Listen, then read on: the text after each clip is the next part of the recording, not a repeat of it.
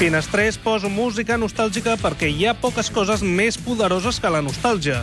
La nostàlgia, en termes estrictament cinematogràfics o televisius, no ens porten necessàriament a èpoques millors, però sí a un moment on érem feliços veient tal pel·lícula o tal sèrie. Total, que per aquest motiu hem tingut remakes en un munt de films i alguns en televisió. Però, és clar, un remake no és ben bé el mateix. De manera que, últimament, el que s'ha posat de moda són els retorns.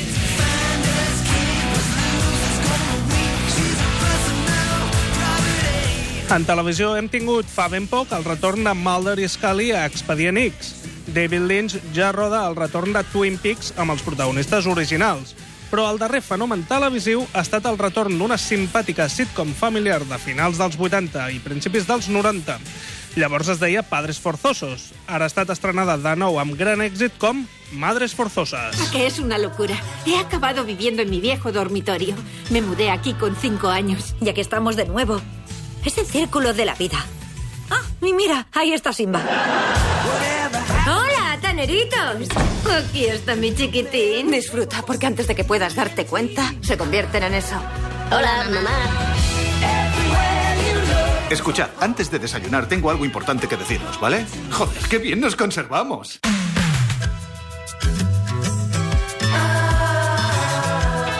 Ja sabem que només fa falta que una tingui èxit perquè s'apuntin moltes altres. Ja s'està parlant del retorn d'una altra sèrie d'aquest perfil que es deia Clarissa lo explica todo. Per tant, posem-nos una mica nostàlgic i pensem quines altres podrien ser candidates a tornar. El perfil, sitcoms de finals dels 80, principis dels 90, normalment enquadrades en l'àmbit familiar.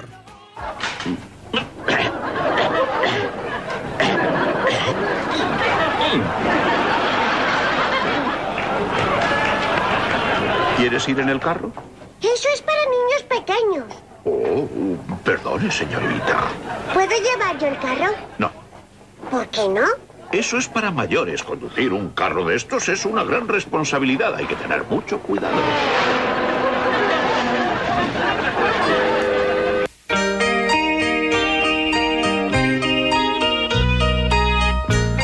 Arrenquem amb Punky Brewster. Aquesta sèrie va anar del 84 al 88 i era la relació entre un vell rondinaire que acollia una nena sense pares a casa seva, tirana infantil i bastant sentimental.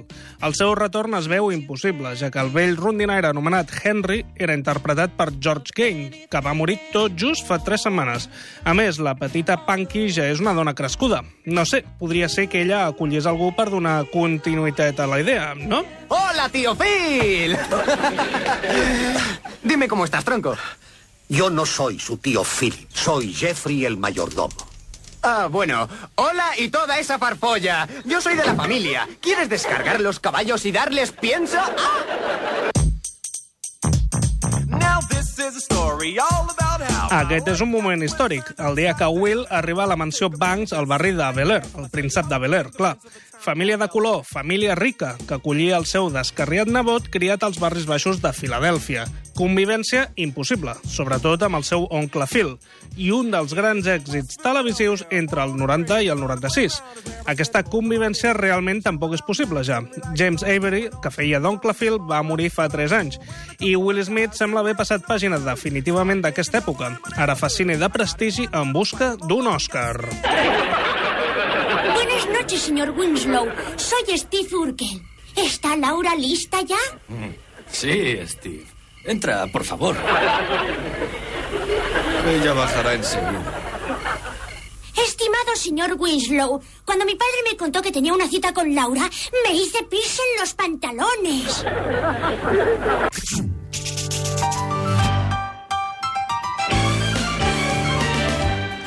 Seguim vivint moments històrics, com quan Carl Winslow coneixia a l'irritant Steve Urkel. Coses de casa va ser una altra emblemàtica sèrie de l'època. Novament, família de color, tot i que de caràcter més humil, que conviu amb les pesades visites del fric Urkel, que està enamorat d'una de les filles de la família. Sempre he pensat que en algun moment aquesta sèrie, que va anar del 89 al 98, podria tornar, ja que Urkel va ser dels personatges imprescindibles de tota una generació. Però és veritat que no podria reaparèixer l'àvia Winslow, que ja va morir. Ben pensat, tampoc seria un problema tan greu. Ja van eliminar a la germana petita, Judy Winslow, quan l'actriu va demanar un augment de sou. L'actriu Jamie Foxworth no ho va superar i es va convertir en actriu porno. En fi, que un retorn seria molt, però que molt morbós. Has aparcado tu moto en mi sitio. ¿Ponía tu nombre? Oh, eh, déjame decirte algo. Soy Zack Morris. ¿Me impresiona? Bueno, todas lo hacen. Yo no. Uh, no creo que quites su moto, Zack. Yo tampoco, esa chica no.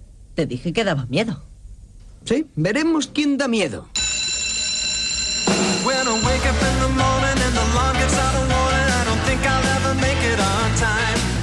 Un altre personatge imprescindible d'aquells anys va ser el seductor Zach Morris de Salvados por la Campana, que va anar del 89 al 93.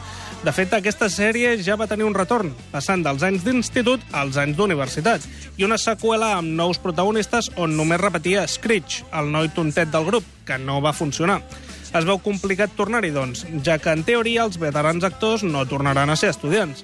A més, una d'elles era Elizabeth Berkley, a la que hem vist escalfar l'ambient a Showgirls, per exemple. I Dustin Diamond, que feia de Screech, precisament, ha tingut uns quants problemes amb la llei. La vida post-estrella de televisió és molt complicada. Todo el mundo sabe que los niños los trae la cigüeña. Eh, ¿qu- ¿Quién te ha dicho eso? Mi papá. Eh, bueno, verás, eh, eh, la cigüeña mm, eh, mete eh, al niño dentro de la madre. Eso. Y, y, eh, entonces yo voy y lo saco fuera. La cigüeña lleva al niño hospital y lo deja tapadito en la cuna.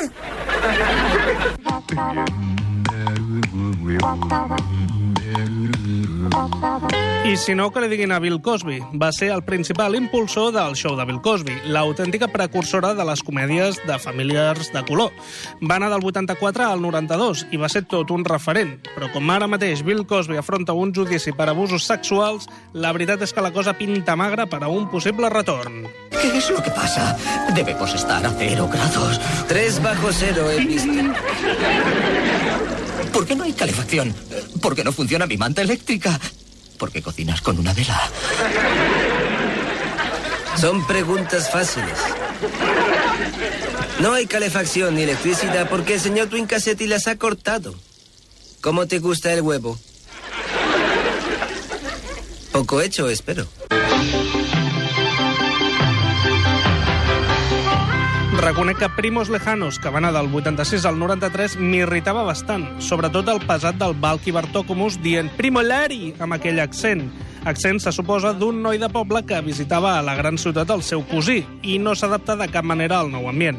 Però vaja, que em faria bastanta gràcia veure'ls de nou. Considerant que cap dels dos protagonistes ha mort o està a la presó, doncs ja és alguna cosa. Conozco a todos los chicos guapos de Dewey. ¿Guapos? A decir verdad. Marlene, 8516 de la avenida Winston. Mis padres trabajan los dos. Sal con esa chica de 18 años, Benny, y tardarán horas en borrar esa sonrisa de tu cara. Mike, te lo advierto, quiero matarte. O sea que piensa bien lo que vas a decir. Ya, dime.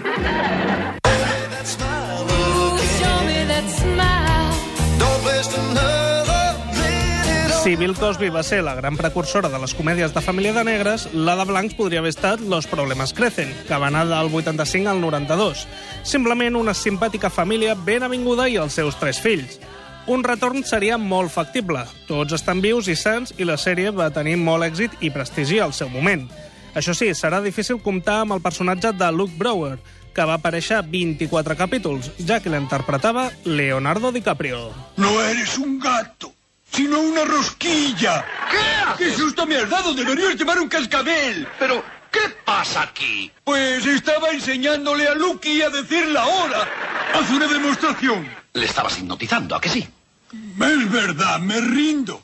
Intentaba ayudarle a dejar de fumar.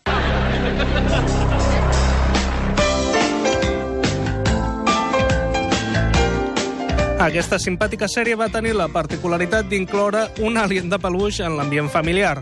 Alf va anar del 86 al 90 i durant molts anys s'ha especulat amb una pel·lícula. Un retorn seria una mica ridícul, però molt nostàlgic, clar. Hi ha cafè?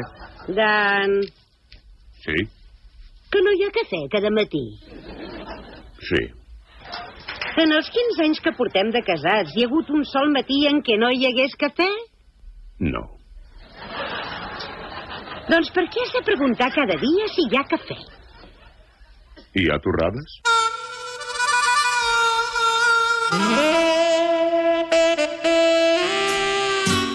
Un retorn que ens faria molta il·lusió seria el de Roseanne, un altre sitcom familiar amb bastanta més ironia que les altres. Va anar del 88 al 97 i destacava per al gran tamany dels seus dos protagonistes, Roseanne Barr i John Goodman, que no sé si voldrien tornar, però que tindrien èxit segur.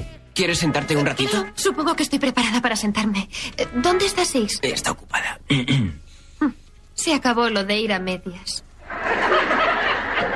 Bonita casa. Lo poco que he visto parece majo. ¿Te ha gustado la película Blossom?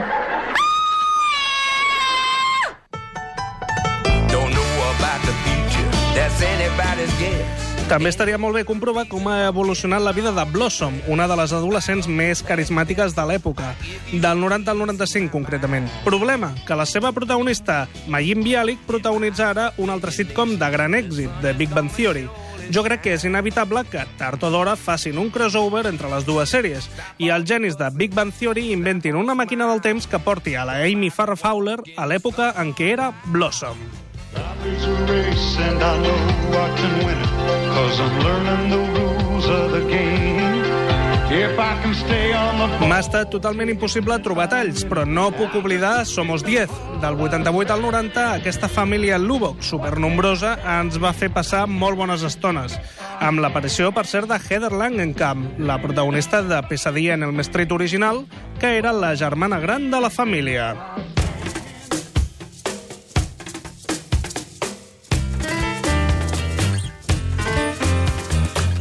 I tampoc oblidem, clar, el gran Paul Reiser, que va ser capaç de protagonitzar no una, sinó dues sèries de gran èxit. La primera es deia Tinc dos pares. Bé, el títol parla per si sol. I posteriorment Boig per tu, amb Helen Hunt. Però aquí ja va deixar enrere el tema familiar i ens vam endinsar a les parelles i als grups d'amics, que van ser el motiu principal de la sitcom a partir de mitjans dels 90, amb un referent inevitable per a tota una generació. ¿Le measte encima? No podéis decir eso. No sabéis nada. Yo creía que iba a desmayarme del dolor. Así que yo lo intenté. Pero no podía doblarme para llegar. Así que... ¡Eso es! ¡Yo me ofrecí!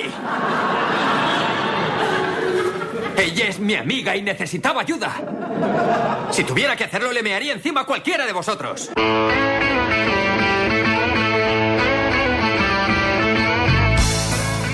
Tornaran Friends algun dia? Infinitat de rumors han rodejat els seus protagonistes. Hi va haver un spin-off amb Joey Tribbiani que va fracassar. Es parla d'una pel·lícula, tot i que sembla ser que Matthew Perry, que feia de Chandler, no en vol saber res de res. De fet, és l'únic que falta sempre que es fa una reunió dels amics per a algun especial, per exemple. Jennifer Aniston, a més, és ara una estrella cinematogràfica, de manera que sembla complicat.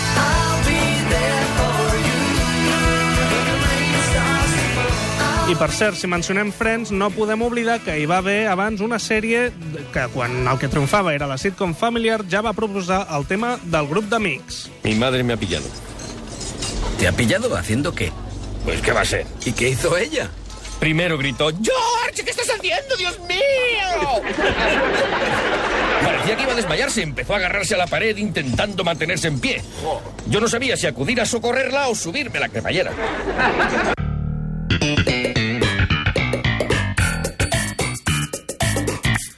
Seinfeld, que no creiem que torni, però que ens va deixar nou temporades d'autèntica genialitat. La millor sitcom de la història, per mi. Doncs apa, ja tenim unes quantes candidates a tornar. Veurem si n'encertem alguna. I disculpeu si m'he deixat d'alguna d'imprescindible que forma part de la vostra història. Perquè, repeteixo, que hi ha poques coses a la vida amb més poder que la nostàlgia.